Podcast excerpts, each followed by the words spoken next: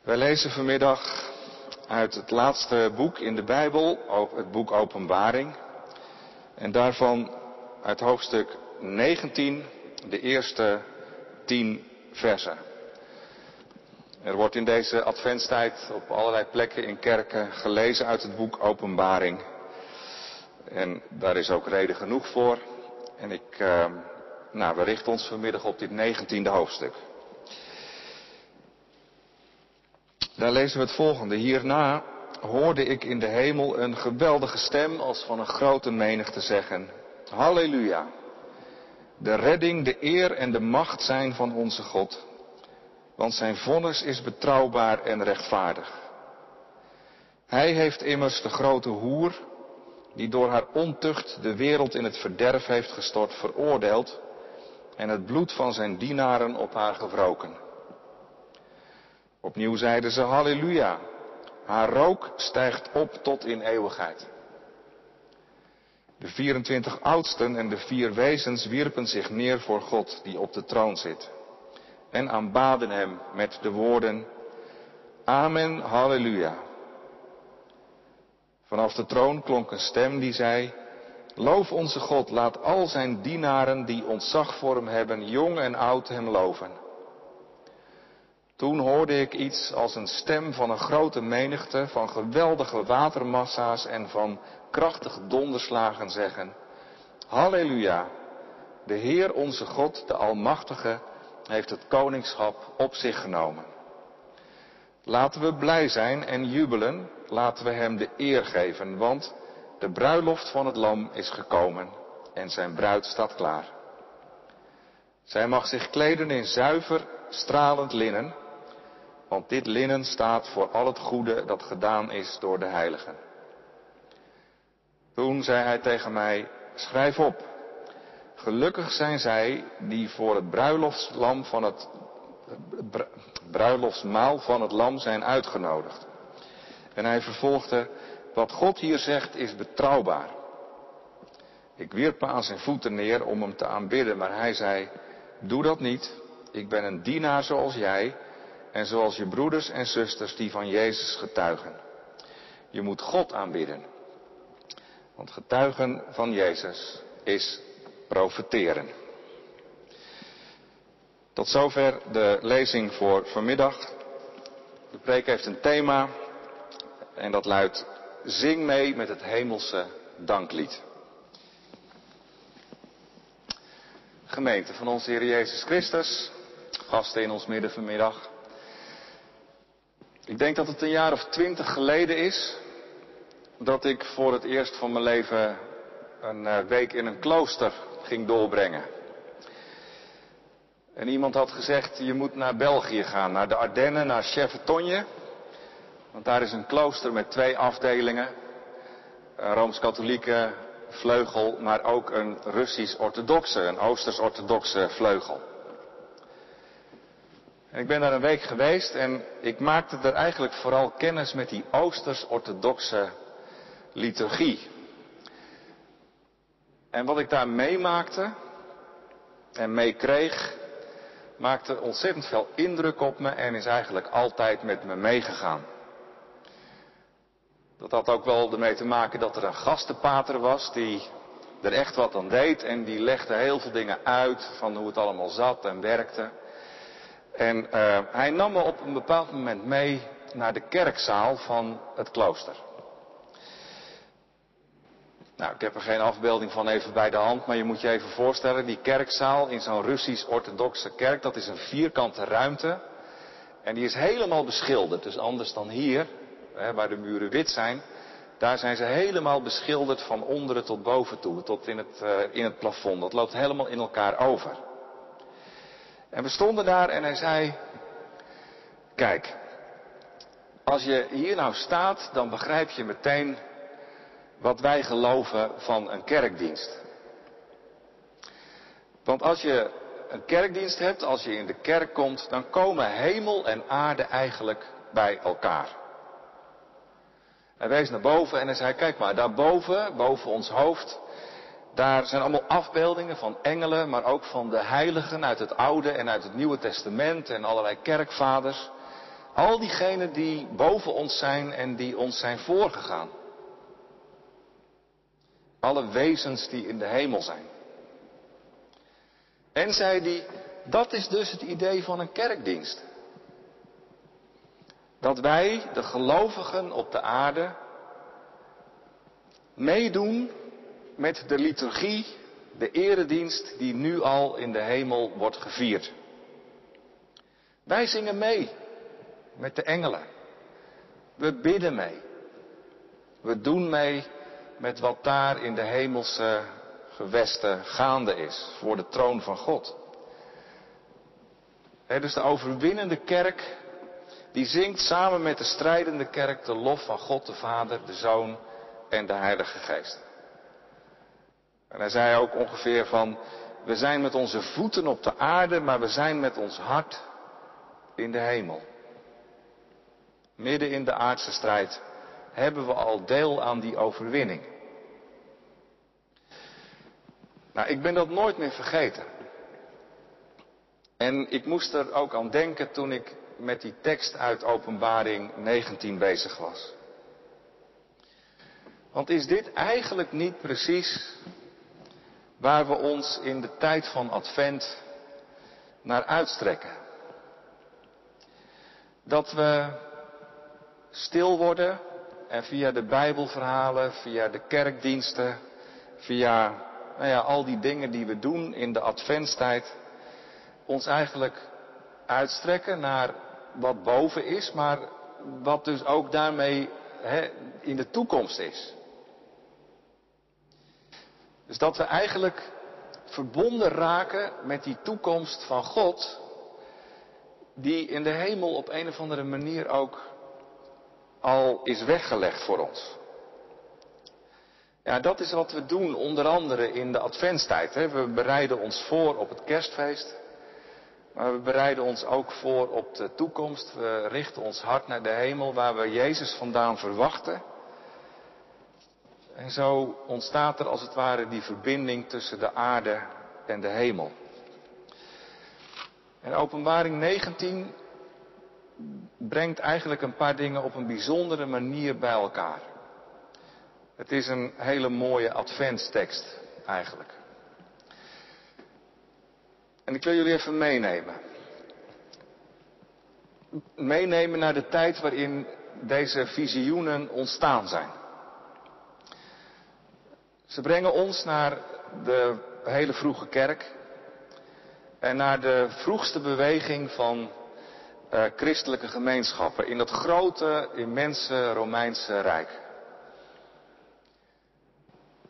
En eigenlijk zijn de meeste uitleggers het er wel over eens dat dit ook de beste manier is om het boek Openbaring te lezen en te begrijpen. Dat het een brief is van de opgestane Jezus aan een serie kleine gemeenten in dat gebied rondom de Middellandse Zee.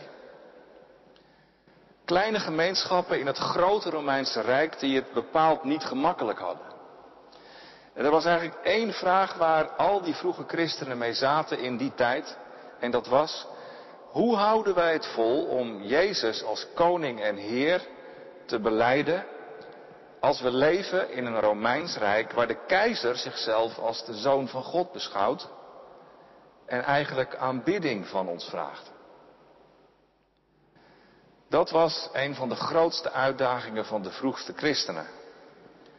Er was op dit moment nog niet echt systematische vervolging, maar die zou wel gaan komen. Maar aan alle kanten werd duidelijk dat de druk wel groter werd. Nou, een van de aanwijzingen in het boek Openbaring dat het een gevaarlijke tijd was toen, wordt zichtbaar in het feit dat de naam Rome eigenlijk niet genoemd wordt in dit boek. Er wordt wel een naam van een andere stad genoemd, van Babylon, van Babel. Het grote Babylon, dat eeuwen geleden voor het volk Israël de grote onderdrukker en verleider was geweest. Babylon. Babylon wordt in hoofdstuk 18, vers 2 een, een, woonplaats van demonen en een schuilplaats van allerlei onreine geesten genoemd. Op een andere manier wordt Babylon de grote hoer genoemd, de afvallige, de overspelige echtgenoot van God. Babylon. Dus waar staat Babylon voor?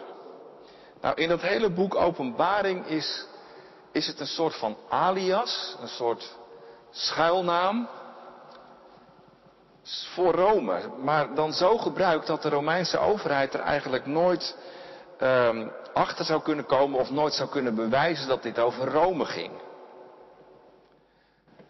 Iemand vergeleek het boek Openbaring met een soort verzetskrant, zoals je ze had in de Tweede Wereldoorlog.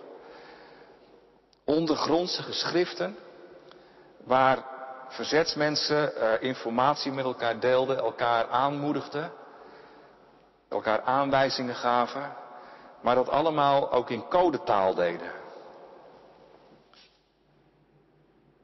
Nou, de hele, dat hele boek Openbaring en zeker ook dat stukje wat wij vanmiddag hebben gelezen, dat is dus een bemoedigingsbrief.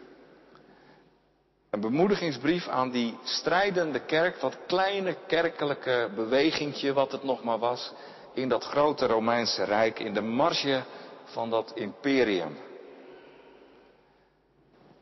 En we mogen geloven dat het boek Openbaring precies dat ook is voor ons vandaag de dag. Niet een spoorboekje om precies uit te rekenen hoe het zal lopen met het einde van de tijden. Zeker ook geen bron van allerlei christelijke complottheorieën, waar er helaas legio van zijn tegenwoordig, wereldwijd.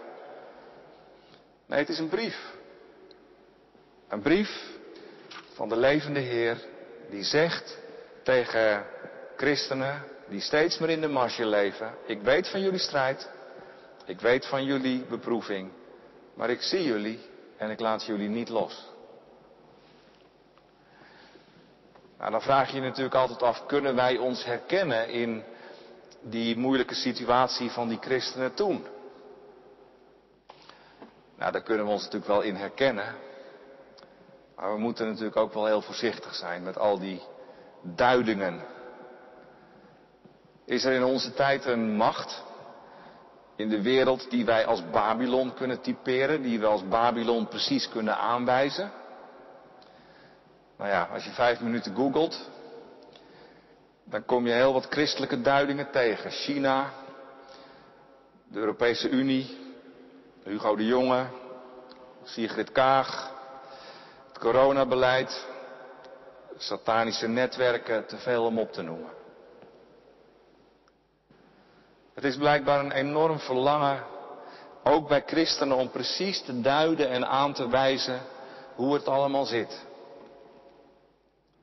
Maar hoeveel van die duidingen bleken uiteindelijk toch niet te kloppen? We hebben ze de eeuwen doorgehad, altijd weer nieuwe. En altijd werden ze weer ingehaald. Ik zou zeggen, laten we het er maar op houden dat Babylon in onze tijd staat voor al die machten en krachten die zich verzetten tegen het koningschap en het koninkrijk van God over zijn wereld. En wat we ervan merken, dat zijn vaak vruchten christenen die vervolgd gaan worden, een kerk die onder vuur komt te liggen. Maar ook recht en gerechtigheid die te grabbel worden gegooid. De mens die zichzelf steeds groter maakt, zoals die Romeinse keizer dat deed. En zich als een beetje als God gaat gedragen in de wereld. Ten koste van Gods schepping en ten koste van de schepper. Het leven met de schepper. Dat is het krachtenveld van Babylon, wat er altijd geweest is, de eeuwen door. En in dat krachtenveld moeten wij vandaag, zoals we hier ook zitten, geloven, proberen te geloven. En soms dan is het niet zo makkelijk om de moed erin te houden en om het geloof vol te houden. Die strijd die voel je als je opstaat en straks de wereld weer ingaat. Jezus is Heer, ja, dat beleiden we, dat hebben we net ook hardop gezegd. Maar in de wereld ervaren we vaak het tegendeel, toch? Nou ja, en hoe hou je het dan vol? Hoe hou je het vol om te geloven? Nou, daar gaat het boek Openbaring over. In al die kleuren en beelden die we erin tegenkomen. En nou, dan is dus die vraag, hoe houden we het vol in de strijd? En Openbaring 19 geeft er één van de antwoorden uit dit boek op en het is een heel mooi antwoord. We houden het vol door op aarde mee te doen met die hemelse liturgie. En dan is dit het geheim en dat is echt een adventsboodschap.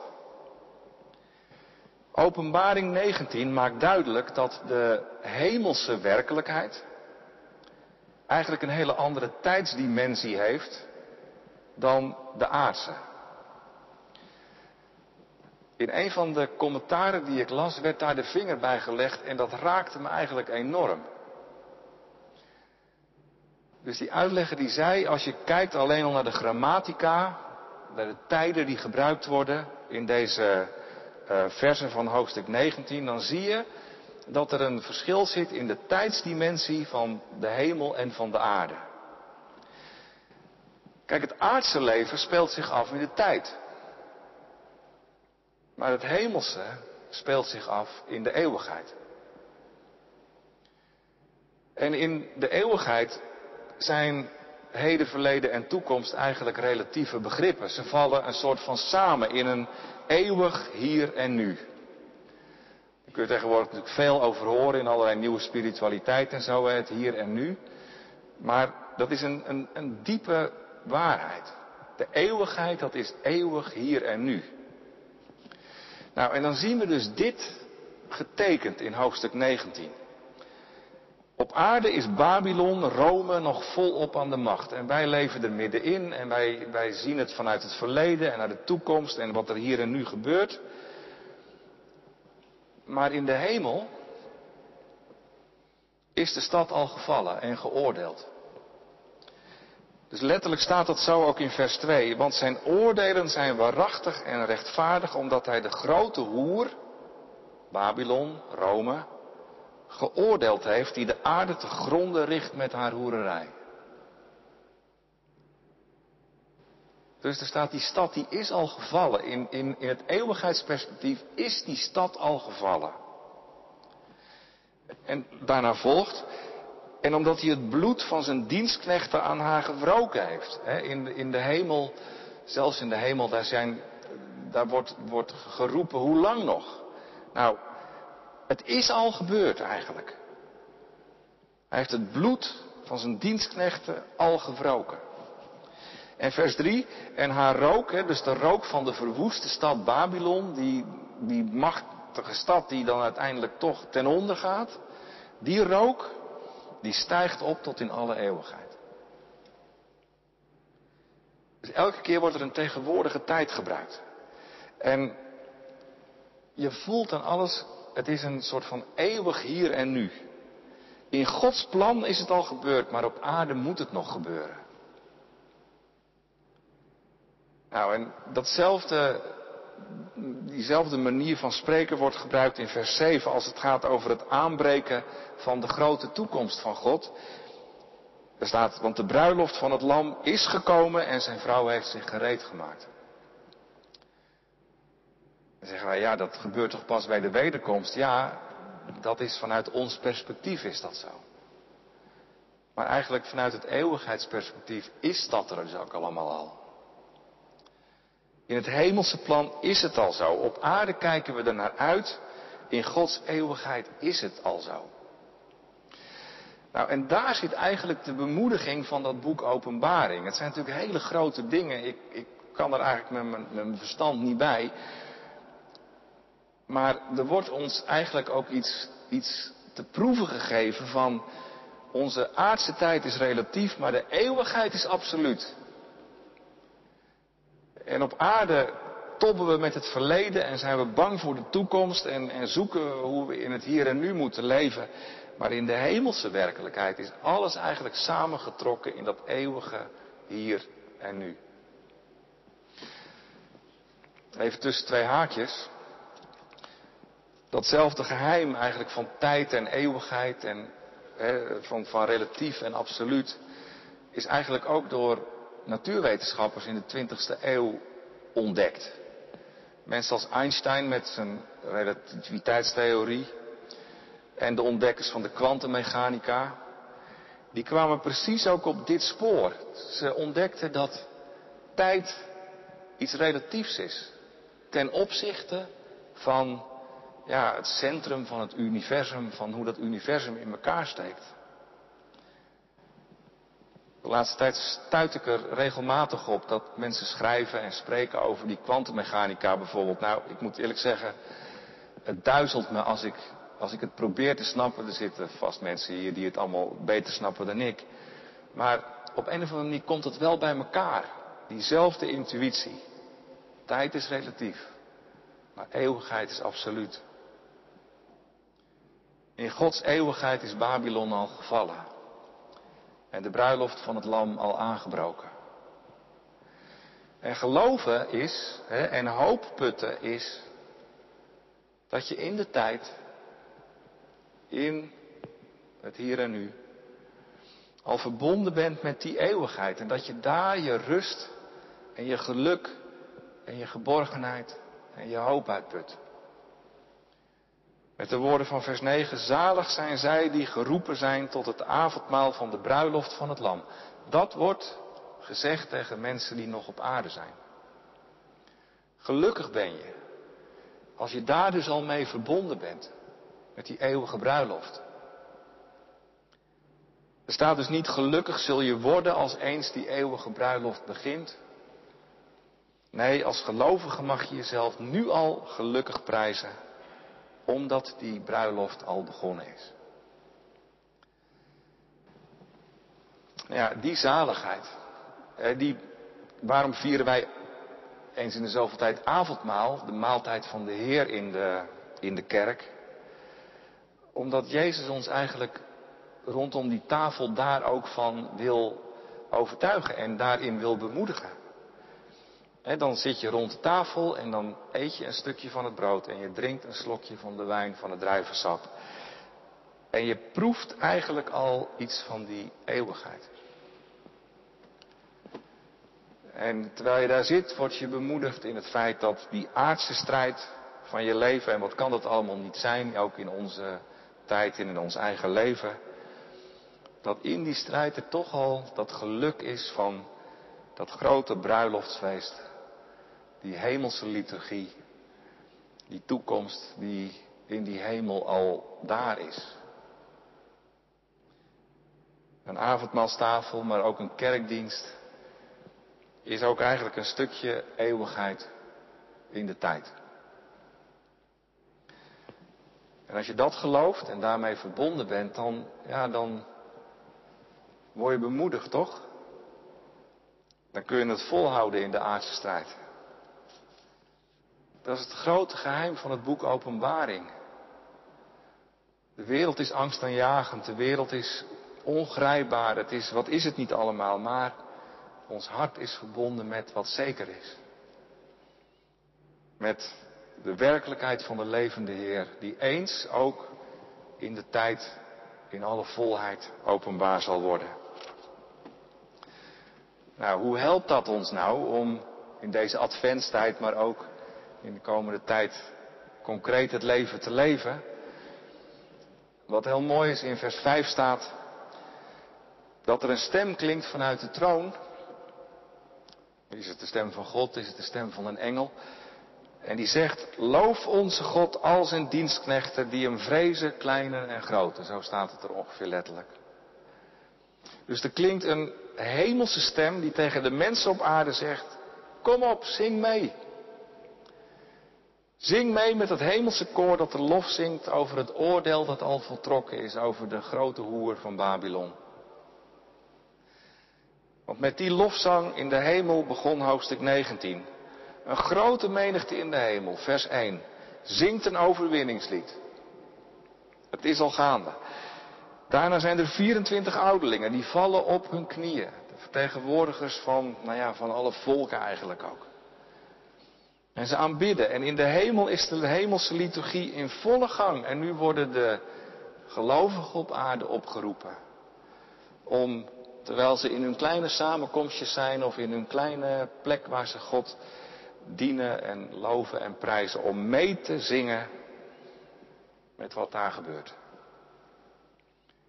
En er worden drie groepen genoemd. Dienstknechten, dat zijn al diegenen die een ambt vervullen of een dienst vervullen in de kerk. De priesters, de, nou ja, de voorgangers, de ouderlingen, noem het maar.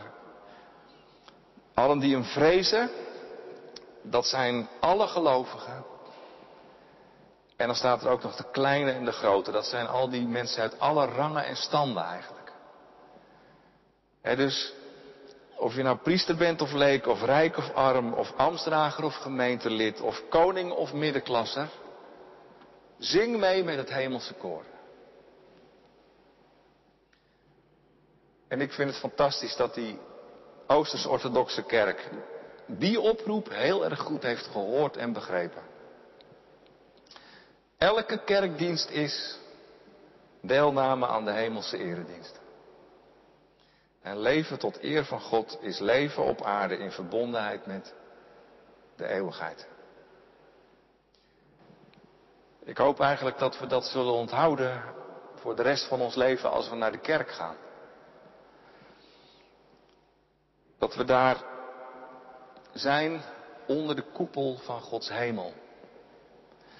Of het nou zichtbaar is in de gewelven of niet. Maar dat is, dat is wat het is. En dat we daar mogen meedoen aan die hemelse liturgie. Dat we meezingen met het hemelse koor. En dat we dat besef ook in ons dagelijkse leven mogen meenemen. Al die uitingen van Babel, welke het ook zijn, die zijn maar tijdelijk. En ze zijn in feite al geoordeeld. Wij kunnen ze vaak niet veranderen, maar we hoeven ze ook niet te veranderen. Maar we moeten het er wel in uithouden. En we mogen dat doen, dat volharden, terwijl we ook al zingen van geluk over de eeuwige bruiloft, terwijl we soms nog midden in de tranen zitten. Dat is de echte dankzegging. En daarmee zijn we ook meteen bij het tweede, de oproep van vers 7. Laten we blij zijn en ons verheugen en Hem de heerlijkheid geven. Ja, laten we blij zijn en ons verheugen. Gemeente, we zitten in een beroerde tijd eigenlijk in heel veel opzichten. De wereld lijkt wel een soort op slot te gaan en er is ontzettend veel bitterheid en verdeeldheid en wat is er allemaal niet. Maar toch, in dit licht, in dit licht krijgen we te horen, laten we blij zijn en ons verheugen en Hem de heerlijkheid geven. Er is een werkelijkheid die deze werkelijkheid ver overstijgt. Nu zitten we nog in de wereld waar Babylon eigenlijk de toon vaak zet. Maar onze blijdschap ligt ten diepste niet in de tijd, maar die ligt in de eeuwigheid. Want de bruiloft van het lam is gekomen. In de wereld is het vaak nog droefenis, maar in ons hart is het al feest bruiloftsfeest met alles wat zo'n feest tot een feest maakt. Ook ons zal God verlossen uit alle pijn en nood, van het woeden van de boze, van het vrezen van de dood, van aarzelen en klagen, verdriet en bitterheid, van alles wat we dragen, van het lijden aan de tijd. Dat zijn woorden die in het lied staan wat we zo gaan zingen. Ze zijn een opmaat naar het letterlijk meezingen met het hemelse koor. En met die woorden mogen we instemmen en antwoord geven op de oproep van de stem uit de troon. Loof onze God.